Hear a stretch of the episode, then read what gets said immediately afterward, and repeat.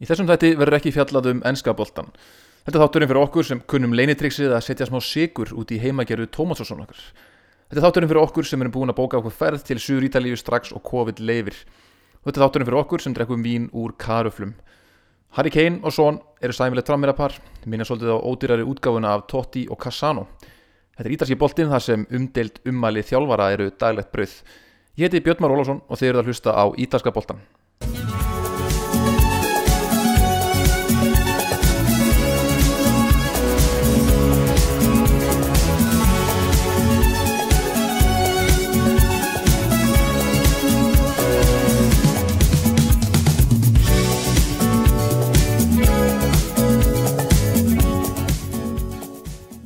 Já, við erum velkomin í þennan sjöunda þátt ítalska boltans. Eh, Það er Origo, upplýsingatekni Rísin Origo sem er með mér í þessum þætti sem fyrr og ef þú ert með fyrirtæki og hefur áhyggjur af annars konar veirum en COVID-19 þá talar við Origo og færð öryggismat til að mæta þeim ógnum sem að felast í tekni umhverjunu í dag. Gegn tölvuveirum og netglæpum duðin að bleið engin bólusetning heldur þarf alvöru öryggislausnir frá Origo, hafið samband við Origo Og líka ef þið ef þið eru í sömu stöðu og ég að reymbast í fjárvinnu eða þurfið ég að taka jólinn í gegnum fjárfundabúnað, ekki horfa ömmu og afa, pixluð í lélegum gæðum, í lélegum græjum.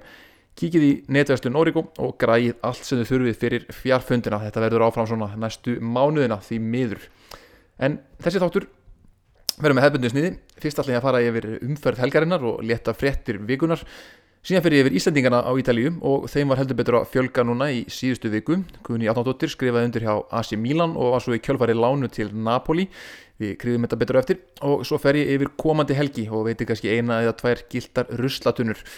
Í næstu viku ætla ég að vera með smá öðruvísi þátt, ég ætla að vera með smá umfjöldun sem að margir hafa beðið mig um. Það sem ég mun fara yfir ungstirnin á Ítalíu, hvaða supertalent er að spila í Serie A hverjir hafa slegið í gegn í upphafi þessa tímabils og það er nóg af spennandi ungum leikmunum til að hérna, ræða þar.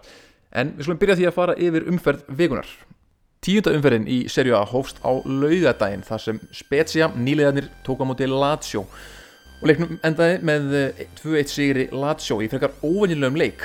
Lazio eru þetta uh, komið áfram í meistrarallild Evrópu eru búin að vera í topparötu á síðast ári og eru núna í ára í Evrópubarötu en uh, gegn þessum nýliðum spesja þá voru þeir með 34% af boltanum í leiknum og áttu bara tvö skot á markið þar sem bæði fóru inn og bara eitt skot framhjá. Þetta var mjög ójaf leikur, spesja var miklu meira með boltan og áttu, spiluðu bara fantagóðan leik en uh, það var Lazio sem voru meira klinikal og kláruðu sín færi. Uh, það segir líka svolítið um uh, framistuðu Lazio þessu leik, þeir fengu engar hotspinnur meðan spesja fengu þær nokkrar. En Þetta var seglu sigur á Lazio, ennið seglu sigurinn uh, þeir hafa oft átt svona ósanfærandi sigur á þessu tímabili eins og ég oft komið inn áður eru með uh, talsveit þunnan hóp þannig að þeir verða að kreista út sigra þegar þeir geta. Og uh, leikmaður sem har skorað fyrir Lazio þessu leik, Ciro Immobile sem skoraði þarna í áttunda leiknum sínum í röð fyrir Lazio, skoraði sér núna í kvöld þegar þetta er tekið upp í mestadeldinni í nýjunda leiksinum í röð fyrir Lazio sem er nýtt met hjá félaginu, þannig að hann er sjóðandi hittur þessa dagana og gerir tilgætt til þess að vera öruglega, já, starting framherri hjá ítalska landsliðinu á EM allstaðar á næsta ári. En já, Lazio var samt nánast með sitt sterkasta liðisuleik, voru að kvíla menn fyrir leikin í kvöld gegn Brugge. Að kannski hans eitt leikmann, hann var Joaquín Correa argentinski sóknamaðurinn sem að þurfti uh, að kvíla þessari umferð. Þannig að 2-1 sigur hjá Lazio, seglu sigur uh, áður en Torino og Juventus mættust síðan á heimavelli Juventus klukkan 15 á lögadaginn svo kallar Derby della Mole. Torino slagurinn á milli Torino og Juventus. Og hvað er þetta Mole sem að þessi nákvæmlega slagur er kendur við? Uh, jú, Mole Antonelliana er stór bygging í miðborg Torino. Uh, svona reysastór turn ón á, hérna, ón á byggingunni sem er, uh, er oft svona þekkt landmark í borginni. Uppháðlega byggt sem sínagóka, satt bænahús gýðinga en hýsir í dag kvikmyndasap þetta er svona landmark byggingi í Torino og nefnd í höfuð á arkitektunum sjálfum og nú hefur við sjálfur komið til Torino og þetta er visslega flott bygging en þetta er ekki eitthvað sem mann grunaði að væri kannski aðal byggingin í borginni og ekkert voðalega spennandi að heimsækja. En ef þið eigið einhvers mann leið til Torino þá mæli ég með að skoða frekar Superga basilíkuna. Kirkjan þar sem flúvelin með Grande Torino liðið brotlendi árið 1949 eins og frækt er. Superga basilíkan er á svona hæð fyrir ofan uh, borgina, útsinni yfir alla borgina og gríðalega falleg, stór og falleg kirkja og hérna, flott minnismerki líka um flugslýsið fyrir aðeins stutta rútuferð eða leigubílaferð frá miðborginni. Mæli með því að þið farið einhvern mann til Torino sem er stórskemmtilega borg. Þessi tvö stórlið Torino, gamla stórveldið auðvitað sem hefur ekki uh, spilað íkja vel undanfarna ára tugi og síðan Juventus sem er stórliðið í dag. Torino hefur vægast að gengið umurlega í þessu einvigi og stóðu aðeins með eitt sigur í síðustu 32 leikum þessara liða uh, og aðeins ná 6 jæftöflum Torino vann uh, síðast 2015 Þar áður unnuð er 20 árum áður, árið 1995 og þetta eitthvað sérstatt fyrir nákvæmnarslæg á Ítalíu því að pressan, hún jafnar oft svona darbi nákvæmnarslægi út. Þar að segja að liði sem er uh, neðar í deildinni getur litið á þetta leikin gegn liðinu sem er ofar í deildinni sem svona tækifæri til að snúa tímabilinu við. Liðin eru rosalega hrætt við að tapa. Liðin eru hrætt við uh, eigin stuðningsmenn ef þau tapa. Þannig að þessi leikir eiga oft til að vera svolítið varnasinnaðir, lokaðir og og svona einkennast að því að bæði liður gríðalega hrætt við að tapa. En uh, þetta er ekki náða að jafna að Tórino slæðin út gríðalega ójafnslægur og ég held að Tórino sé með bara versta rekordið uh, af öllum liðum í deildinni.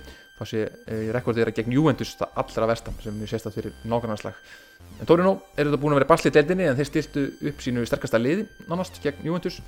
Belotti fyrirliðin byrjaði upp á topp og nýjasta stjarnan sem er búin að spila frábælega núna í síðustu tvo leiki fyrir Torino Vilfred Singo í hæri bakgrunum 19 ára strákur frá Fílabinslöndinni hefur átt tvo stórkvæmslega leiki fyrir Torino. Hann var í hæri bakgrunum uh, Juventus, þeir byrjuði með Ronaldo. Þeir hafa sínt það að þeir uh, verðast ekki geta unnið án hans.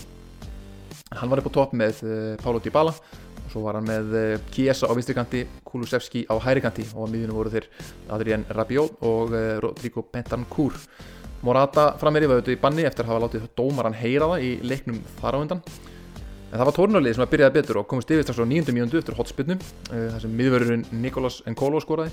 Og það var frekar jafn fyrirháleikur tórnarmenn spiluði vel uh, og Juventus skapaði sér eiginlega valla færi. Og uh, það var ekki fyrir sérháleik sem að Juventus fór hægt og rólega að auka pressuna samt án þess að skapa sér eiginlega færi. Og eiginlega einu færi sem Juventus fekk í svo leik voru först leikadriði og það var á endanum tvö slík sem að ja, leittu til þess að Juventus vann leikin 2-1 fyrst var það Quadrado sem skoraði eh, glæsitt mark eh, eftir hótspjöndum en það var þetta varaði burtu það var bandarækjamaðurinn Winston McKenney sem kom inn á og jafnaði leikin á 78. mínútu með skall eftir fyrirgjöf og Leonardo Bonucci, miðurvörðurinn með svipa mark síðan eh, rétt fyrir leikslokk sem skoraði það segumarkið á 89. mínútu og það ætlaði aftum koll að keira Tórnamenn hafa auðvitað að tapa hverjum leiknum og, fætur öðrum á loka mínútonum þessu tíðanbili. Þetta verðist vera endutekinn saga hjá þeim. Þeir bara geta ekki klára leiki og um leið og loka mínútan nálgast á ekst stressið í þeirra herbúðum. Það var svo, allt svo mikið um koll að kera á loka mínútonum að varamarkurðu Juventus fekk raukt spjald í fagnadalótunum því hann spurði dómaran hvort hann ætlaði ekki að dæma þetta mark af líka. Carlo Pinsolio var að þriði markmaður Juventus einhvers konar svona handklaða veifari á begnum sem heldur upp í stemningu. Hann hérna, já, lit dómar að heyra það og fekk rautspjald og uh, Fabio Paratici og Pavel Nedved stjórnendur í Juventus, þeir voru líka settir í bann eftir leik eftir að hafa látið dómaran heyra það hressilega úr stúkunni. Þannig að það voru mikla tilfinningar í, í spilinu þarna í Torino en enn einn sigur uh, Juventus í nágrannarslagnum Um kvöldið þá mætti Inter Bologna, þetta voru svona liðin sem áttu leiki í meistradildinni núna í þessari viku sem áttu spiluð á lögadaginn og Inter vann Bologna öruglega 3-1 og okkar maður, Andri Fannar Baldursson kom því miður ekki við sögu hjá Bologna. Hann auðvitað kom inn á í nákvæmlega þessum leik í fyrra á móti Inter á San Siro. En uh, já, hann kom því miður ekki við sögu sem er svolítið áhyggjöfni því að það voru ungi strákar hjá Bologna sem voru að koma inn á í þessum leik. Þar á meðal tveir ungir ítalskir táningar sem að þreyttu frumraun sína fyrir lið. Um, en ég veit ekki, það er sá sem uh, spila sem fremsti maður á miðinni hjá Bologna sem er svona stað sem að Andrið Fannar hefur verið að spila. Það er hann uh, Roberto Soriano. Uh, hann spilaði allan leikin og er eiginlega kannski búin að vera besti leikmaðurleysins á þessu tímabili. Þannig að ef hann fer ekki út af vellinum þá kannski minni líkur á að Andri kom inn á í staðin um, en já, þau kom inn á hann nokkur ungi strákar og sérstaklega einn kannski sem þetta nefna það er hann Emanuel Vignato sem skoraði þetta eina mark Bologna. Virkilega vel kláraði upp í þagnætið á fjárstöngunni þessi Vignato er efnilegu leikmaður hann á brasilíska móður og ítalskan föður og var í brasilíska U17 landsinsofnum og svo áður hann færði sig yfir til Ítali og spilaði með ítalska U19 og U20 landsinsofnum hann spilaði næstu heilt tímabili fyrra í B-dildinni og er núna bara 20 aldrei komin til Bologna og er að er líka að reyna að vinna sér inn í byrjunarlið og skora þarna laglegt mark gegn Inter. En uh, já, þetta var sterkur sigur hjá Inder og Conte. Uh, hans lið hefur auðvitað ekki verið að spila sérstaklega vel upp á síkastið uh, þetta var svona fín örugur sigur á heimavelli og þeir lendu eiginlega í preka litlu basli í þessum leik. Það var hann Hakimi Akraf Hakimi bakurinn sem kom frá Dortmund fyrir tímafél sem skoraði tvö mörg, þetta var hans leikur. Skoraði tvö glæsileg mörg úr hægri vangbakurinnum skoraði Lukaku eitt mark líka. Sjálfsögur Lukaku búin að vera gríðarlega sterkur undir stjórn Kontes og Konte nefndi þeim til vikunni að hann hefði bara fullt að trúa því að Lukaku yrði besti strækjar heims. Þannig að hann var ekki komið ánga ennþá en Lukaku væri leikmann sem sé að leggja mikið að sér á æfingum á hverjum einsta degi og sé tilbúin að hlusta og læra og muni verða besti framherri heims það er kannski erfitt að veðja gegn því eins og hann er að spila í dag. En á sunnudaginn þá tók við heldur leiðilegu dagur í ítalsku dildinni eftir margar góðar umferðir með hérna, fjöldanum öllum af mörgum þá var núna komið að leiðilegu markalösum jafnteflistegi á Ítalju uh, Háttegisleikurinn á sunnudaginn var Hellas Verona gegn Cagliari. Hellas Verona auðvitað vann Atalanta í umferðinu undan við erum búin að vera hátt uppi í síðustu vikur Uh, en komist, og komist yfir gegn Cagliari á heimavelli en það var gríðilega stert hjá Cagliari að koma tilbaka á jafna og leikurinn endaði 1-1 við erum að nýbúða að vinna Atalanta en að missa sér niður leik gegn, uh, gegn Cagliari það er ekki sannfærandi og þetta er svona ástæðan fyrir því að liði verður kannski ekki í baróttu um Evropasætin sem að þið voru kannski fættan að gera sér vonir um Mattías Sakanni, leikmaði Verona eh, skoraði marklegisins, það er leikmaði sem er virkilega, hann lítur út fyrir að vera, kannski að spila sér inn í ítalska landsinsópin fyrir EM á næsta ári. Búin að vera virkilega flottur hjá Verona og skorar uh, næstu í hverju umferð. Miðjumæður, mjög leikinn miðjumæður að meðan Mark Cagliari skoraði rúmenin Rasvan Marin sem kom frá Ajax fyrir tímabilið. Síðan tók við leikur Parma og Benevento og það er eitt leiðasti leikur tímabilisins, mér finnst ég alltaf verið að segja þetta þegar Parma á í hlut Parma átti þarna 0 skot á markið þetta er þetta í annað skiptið allavega á tímabilinu, ef ekki ofta sem það gerist hjá Parma. Þá þurfum þetta sjö skot framhjá. Benevento var með þrjú skot á marki þannig að samtals, já, þrjú skot á marki á þessum liðum. Uh, bæði lið kannski þurftu bara eitt stig aðeins að stilla sig af í dildinni og sanga inn nokkrum stigum þannig að þetta var kannski eðlilega niðurstaða í þessum leik. Uh, ég hef ekki séð mikið úr þessu leik það var kannski ekkit frá miklu að sína þannig að ég get svo sem ekki tjá mig mikið um hann en, en uh, þeir sem horfaðan leik höfðu ekki margt fallet um hann að segja og síðan tók við annar leikur uh, á sama tíma Roma 0, Sassuolo 0 þetta var leikur sem að já, fólk kannski bjóstu fyrirfram er því mjög sjöndalegur því að bæði þessi lið hafa verið að spila blúsandi sóknabólta en e, það var búið að vera mikið rigning á Ítalju það var annar leikur sem ég fyrir yfir eftir sem að ringdi mér sæði burtu. Það var frestunum vegna rigningar og þessi rigning hún setti svipsinn á leik Róma og Sassuolo. E, leikurinn var frekar jafn allt í játnum þar til e, Petro reynslu mikli Petro í liði Róma sem kom með þetta frá Chelsea. Hann fikk rauðspjald, eitthvað annað gula spjald fyrir að stöðva skindisók sem var hrikalega heimskulegt að leita er út fyrir að hann hafa bara glimt að hann hafi verið á spjaldi því þetta var það klauvalið hjá hann og manni fleiri þá bjóst maður við því að Sassuolo myndi taka endala yfir leikin og, hérna, og ganga frá honum því að þetta er vel, vel spilandi lið. En uh, svo fór ekki. Tjálfari Róma fekk síðan raukt í hálfleik strax eða eftir þetta rauðspjaldi á Pedro, hann lappaði beintinn af öllin og gaf dómaranum nokkur velvalin orði eira uh, og fekk beint raut en uh, Sassolo voru lélegir mannil fleiri og það var eins og þyrðið einhvern veginn ekki að spila sín eigin leik. Þeir skoruðu eitt mark sem var dæmt af vegna ránstöðum þetta, var, þetta hefur verið gríðilega vombriði fyrir Sassolo að ná ekki að klára leik þegar mannir fleiri næstu í klukkutíma. Og það var rauninni kannski Róma sem voru betri aðlinn stóran part setniháleiks og Tseko fekk allavega eitt ef ekki tvö færi til þess að vinna leikin eins og Róma tapaði í síðustum fyrir gegn Napoli 4-0 þannig að þeir svona ætlu kannski snúa genginu við í þessum leik. En um, þeir geta kannski verið annað en sáttir eftir að hafa náð jafnteflinu gegn sterkusta sólóliði um, manni færri í klukkutíma. Og það sem þjálfarinn var í þessi fekk rauðspjald var vísaði burtu það voru það þrýr tenurarnir þrýr í liðinu eins og ítalskir fjölmiðlar kalla þá Mikitarian, Petro og Tseko þetta eru þessir þrýr uh, áhrifaðastu menninir í klefanum. Þeir heldu ræðu í klefanum eftir leik þar sem þeim, þeir rósuðu leikmunum Róma og sögðu að nú væri tækifæri til að stíga þessu upp og hérna, byggja ón á þessar, þessar framistöðu og hérna, komast ofar í deildinni. Og það er kannski eitthvað jákvæmt sem að Rómverðar geta tekið út úr þessum leik. Eins og þess aðeins þá var eitt leikur sem að fresta vegna rigningar og það var leikur út í Nesi og Atalanta mesta rigningin á Ítalju var í uh, norðaustur hodninum þar sem Nesi er staðsett í útinni og uh, Atalantamenn hafa vantalega fagna þessu ágætlega að geta fresta þessu leik því að þeir eiga ústýrta leiku þetta í meistaradeildinni í vikunni þar sem þeir mæta Ajax upp á annað sætið í riðlunum á eftir Liverpool. Þannig að þeir mæta útkvildir í leikin gegn Ajax Svo um kvöldið var stórleikur umferðarinnar ef svo maður segja og það var leikur Sampdoria og AC Milan þar sem AC Milan vann 2-1 sigur í spennandi leik. Sampdoria menn mættu til leiks í uh, eldgömlum treyjum uh, treyjum til þess að heiðra félagið FC Andrea Doria Sampdoria var stopnað þetta 1946 með samruna þveggja liða. Það var FC Andrea Doria og Sampier Deranese og samina nafn þess vegna Sampdoria og þetta Andrea Doria lið eh, fagnaði ammali í, í um helgina. Og þess vegna mættu þeir í svona sögulegum treyjum svörtum og hvítum eins og Andrea Doria, Doria spiluðu í á sínum tíma.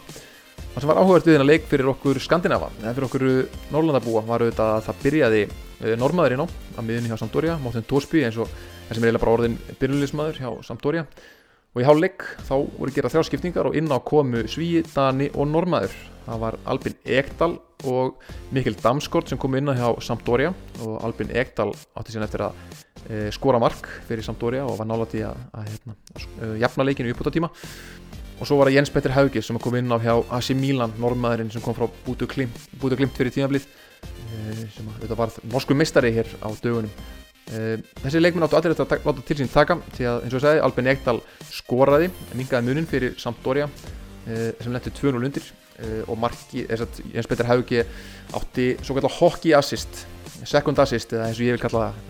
Við erum gott orð fyrir þetta hockey assist átti stungusendingu sem að bjóð til setnamark AC Milan. Og Albin Ekdal fekk sér aftur döðafæri upp á tíma til þess að jafna leikin en já, niðurstaðan er seglu sigur hjá AC Milan en eitt sigurinn án Slatans og þeir halda bara áfram að bæta þetta metsitt yfir, yfir eh, leiki án taps í deildinni. Það er erfitt að sjá uh, hvað eitt að stöða þá Simon Kerr, varnamæður Hasi Milan var einmitt í viðtali hjá danska sjóöpunni fyrir leik og sagði að nú tækir við svona leikjar hérna af hérna að leikjum gegn uh, svo kallum slagari liðum.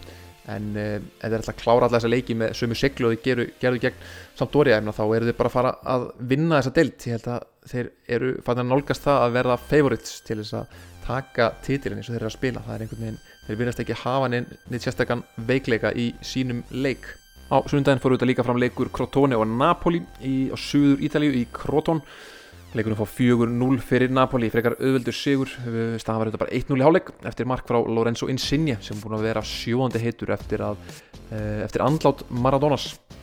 Um, hann skoraði þess að í fyrirháleik og svo í byrjun setni háleiks þá fær leikstjórnandi uh, Crotone Eh, Jacopo Petriccione hinn hárprúði Petriccione beint rauðspjald og þá var þetta bara búið og leikurinn endaði 4-0 fyrir Napoli sem eins og segi er búin að leika við hvetsin fingur eftir andlót Maradonas unnu Róma 4-0 vinna hérna Crotone 4-0 er komin áfram í Evrópu Evrópudeldinni þannig að það er ekki heldur ekkit lóku verða skotið að Napoli verði að berjast um titilinn. Það er að verða eins og segi spila gríðala vel það er kannski svolítið háðir því að uh, nýgeríski framverinn Viktor Ossimenn haldist hill uh, þegar hann var að spila ána hans þá hafa það ekki alltaf verið jafn samfærandi en ég held að hann getur verið svona auka kryttið í sóknarleik þegar hann er bæði stór og tekur mikið til sín og svona gefið þeim svolítið aðra vít heldur en aðra leikmenn. Ef, ef hann verið hill þá held ég að Napoli getur verið topparáttu alveg alla leiðina til enda.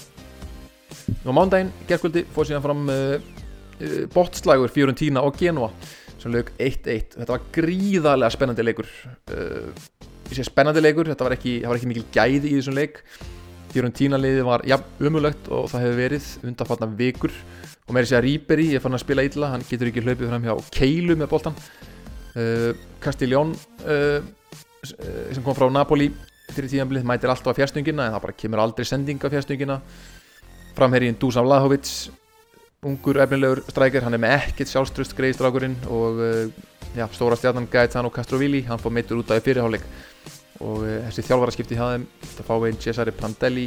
Þeir verðast ekki hafa gert mikið fyrir liðið. Uh, kannski hrist eitthvað upp á liðsandan en spilamennska liðsins í æla bæði fyrir og setniháleik var gríðarlega slög og já, það væri ekki fyrir svona lélega anstæðinga eins og Genoa þá hefði þetta ekki farið vel hjá þeim í gær Genova með gríðilega slagt lið líka en eru með skemmtilegt framherjapar.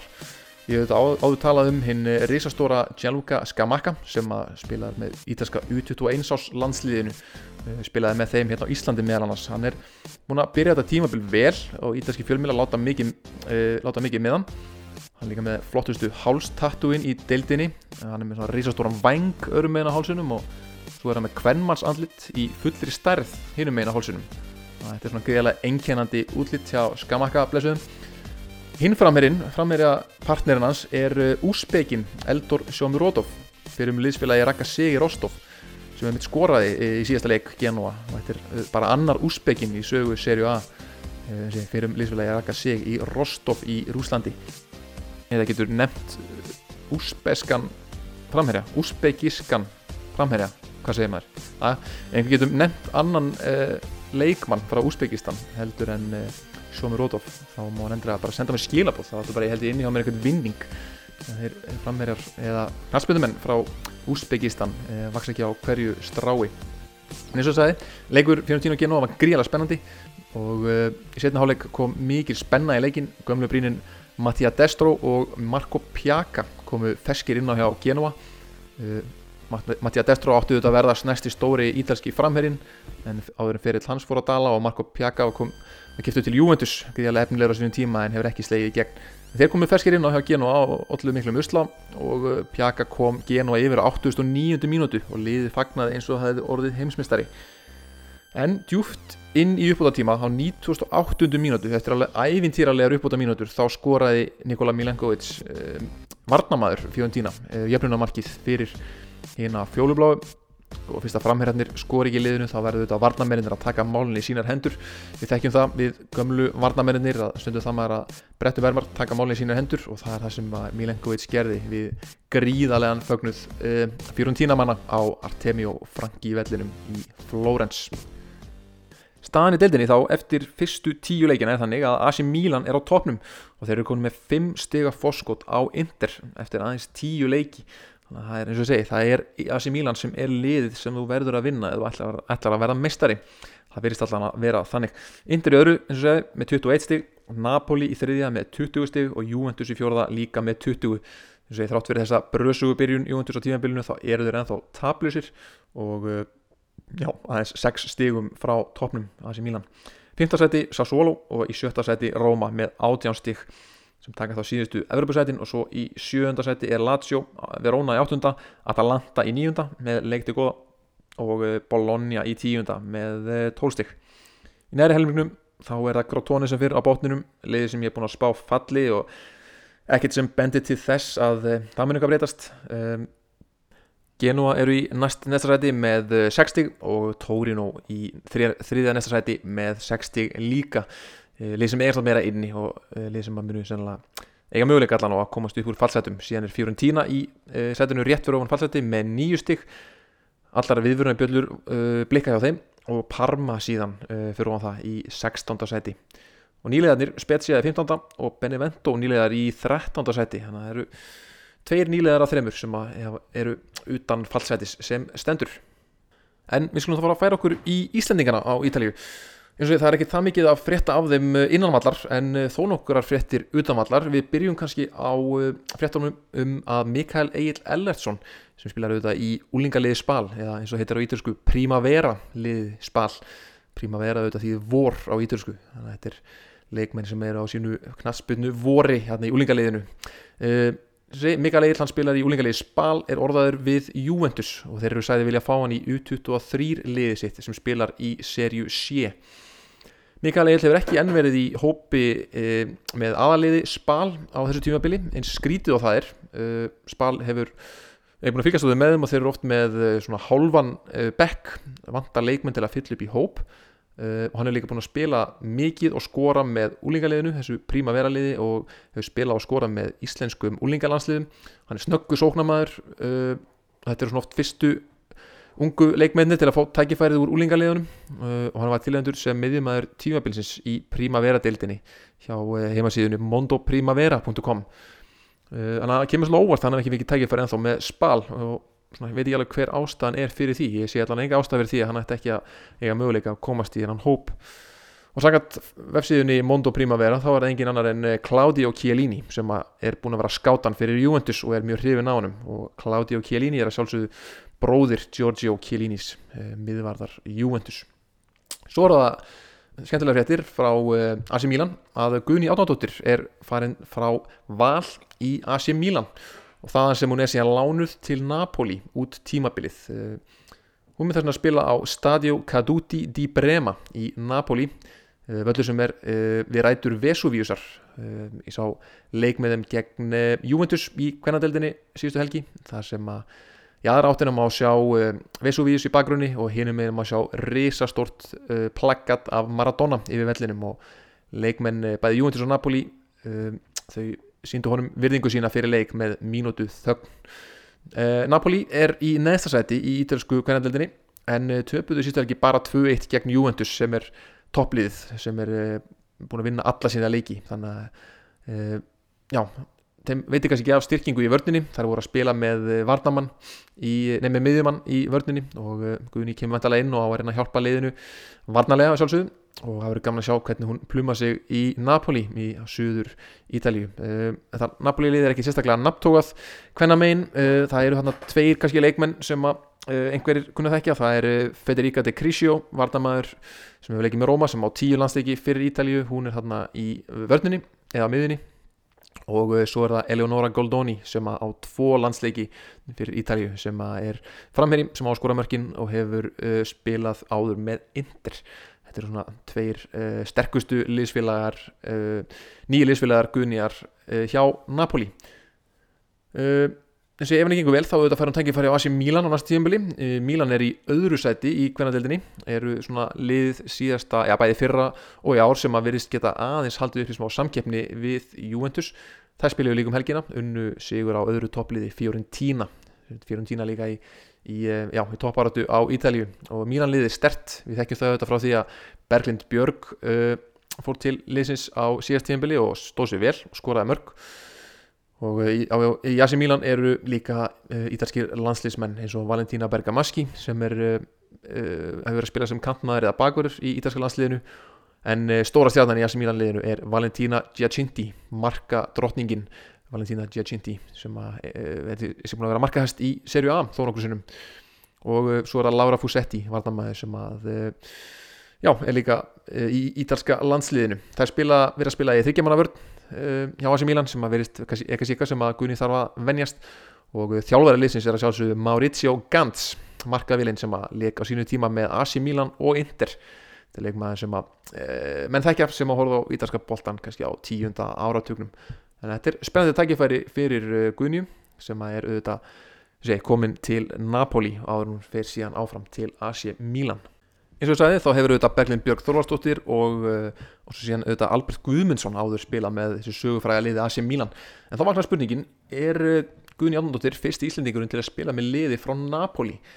En svo er reyndar ekki því að uh, ef við skoðum söguna þá var auðvitað fyrsti knastbyrðumæðurinn á Ítalju og reyndar fyrsti íslenski landslýsmæðurinn í knastbyrðinu Samuel Torstensson.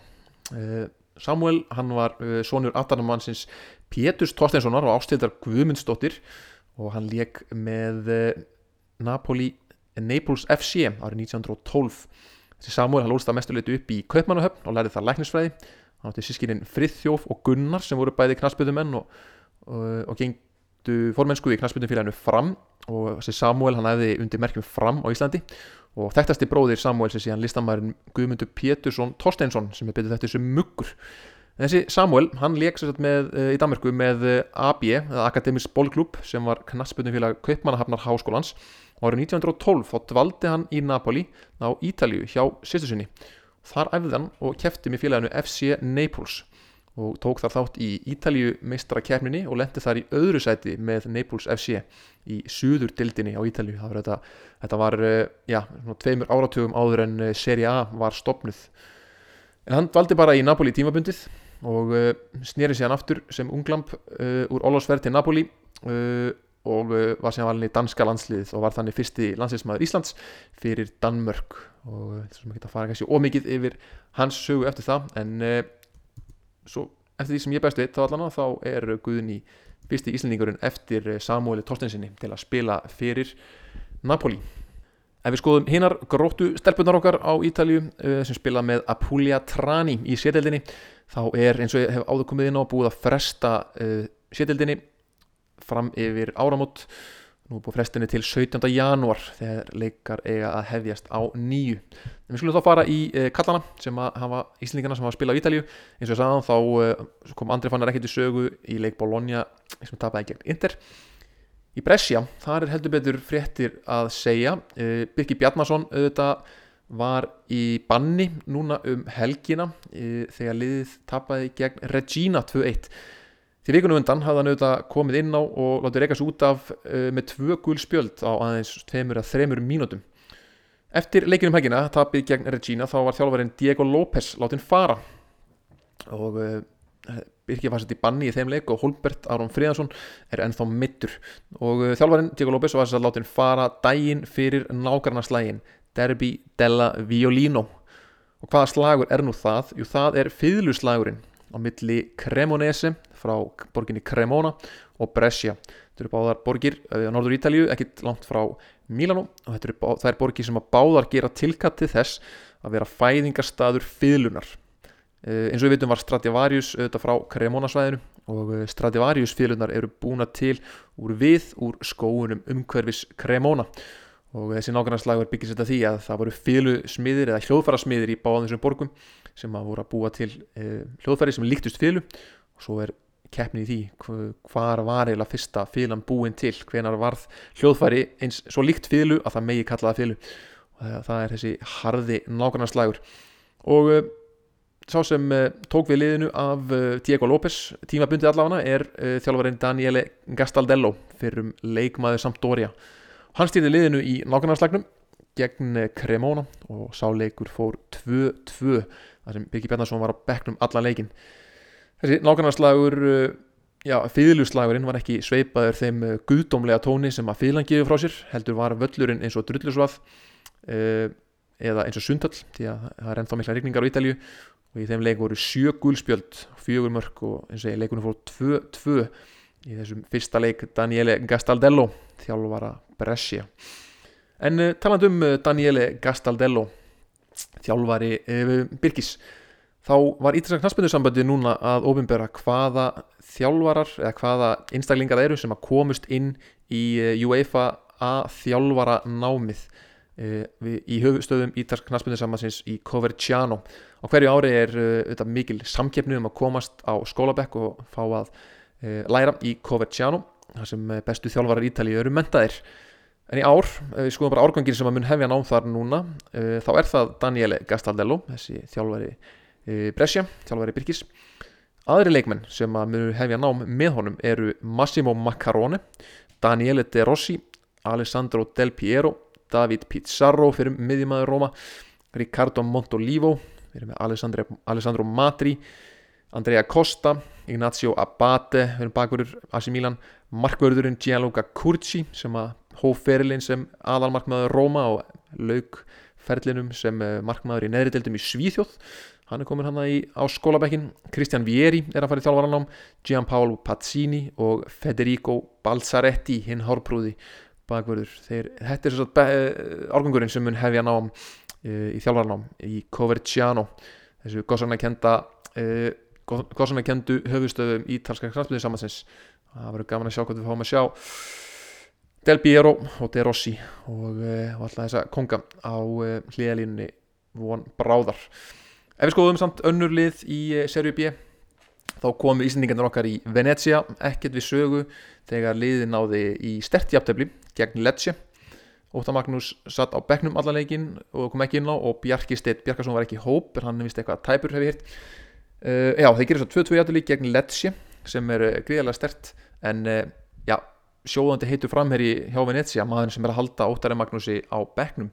Það er engin annar en Francesco Forte maðurinn með hákallafagnið fræga, hann er held ég orðin bara markaðasti leikmaðurinn í deildinni hann hættir ekki að skora og það er svona eina ástæðan fyrir því að Óta Magnús er á begnum en eins og ég segi, þetta var stert játtabli gegn uh, toppliði Lecce og uh, við þetta er núna Venezia ennþá í umspilsæti þeir eru í sjötta sæti sem stendur og eru með fjögur stig niður í næsta sæti. Þannig að þeir eru, er að mynda smá þarna fyrir þá sem er jákvæmt við vonum, vonum stuðið þess að Venecia komist allavega í umspilið og við getum jafnvel fengið á í aðeildina á næsta ári Brescia, Lið Birkis og Holmbergs þeir sitja í 12. sæti er í brasi en heppilega fyrir þá, það eru mörg umspilsæti í biedeldina á Ítalíu, þannig að það er, það er aldrei oflant upp í umspilsæti og við vonum að þessi þjálfaraskipti gefið þeim báðum mikið spiltíma en líka að þessi þjálfaraskipti ná að snúa gengi liðsins við Nú er lókin alltaf að veita þrjár gildar ruslatunur, komið að því að láta það heyra það sem er skilið að fá að heyra það og fyrstu gildur ruslatununa færa sjálfsögðu síni sem í Hailovic þjálfari Bologna fyrir að spila ekki okkar manni jafnvel í leik þar sem hann er að hleypa inn á einhverjum ungum guttum og gefa þeim frumröðin sína í staðið þess að spila okkar manni eins og hann gerði síðust, uh, síðust tíðanbili gegn Inter á San Siro. Þannig að sínist þeim í Halvits fyrstu, fyrstu Bidoni Doro. Uh, Rústöldunum nummið tvö fær uh, engin annar en allt lið Fiorentína fyrir þessa framistöðu enn og aftur. Maður sest niður og horfir á Fiorentína horfir á leikmannahópin, horfir á byrjunarlið og býst við ágæti svofaldaleik en svo fær maður svo er búið upp á hræðilega framistöðu viku eftir viku. Það er ekki bóði og uh, þriðju Bidonedoro fær uh, leikur Parma og Benevento. 0-0 döytt í aftefli eins döytt og þau gerast. Leikur sem að jafnvel stunismennliðan að nefndum alltaf að horfa það er svoleiðis ákveð að bjóða okkur upp á í þessari deild uh, saman hvort að aðstæður séu slæmar út af rigningu eða ekki það er engin afsökun fyrir að mæta svona til leiks og ekki skot á mark eins og Parma gerði eins og leik. Þannig að þessar þrjár rustatunur þeim er hér með skilað á sinn stað. Þessu er þá lokið hjá mér í dag. Við heyrumst á næstu viku eins og ég sagði á þá ætla ég að vera með þátt að sem ég ætla að fara yfir ungstinnin á Ítalíu hvaða ungu og efnilegu leikmenn er að slá í gegn og hvaða leikmenn er það sem við munum sjá á eh, stóra sviðinu á komandi árum. En ég þakka fyrir mig, verið í sæl.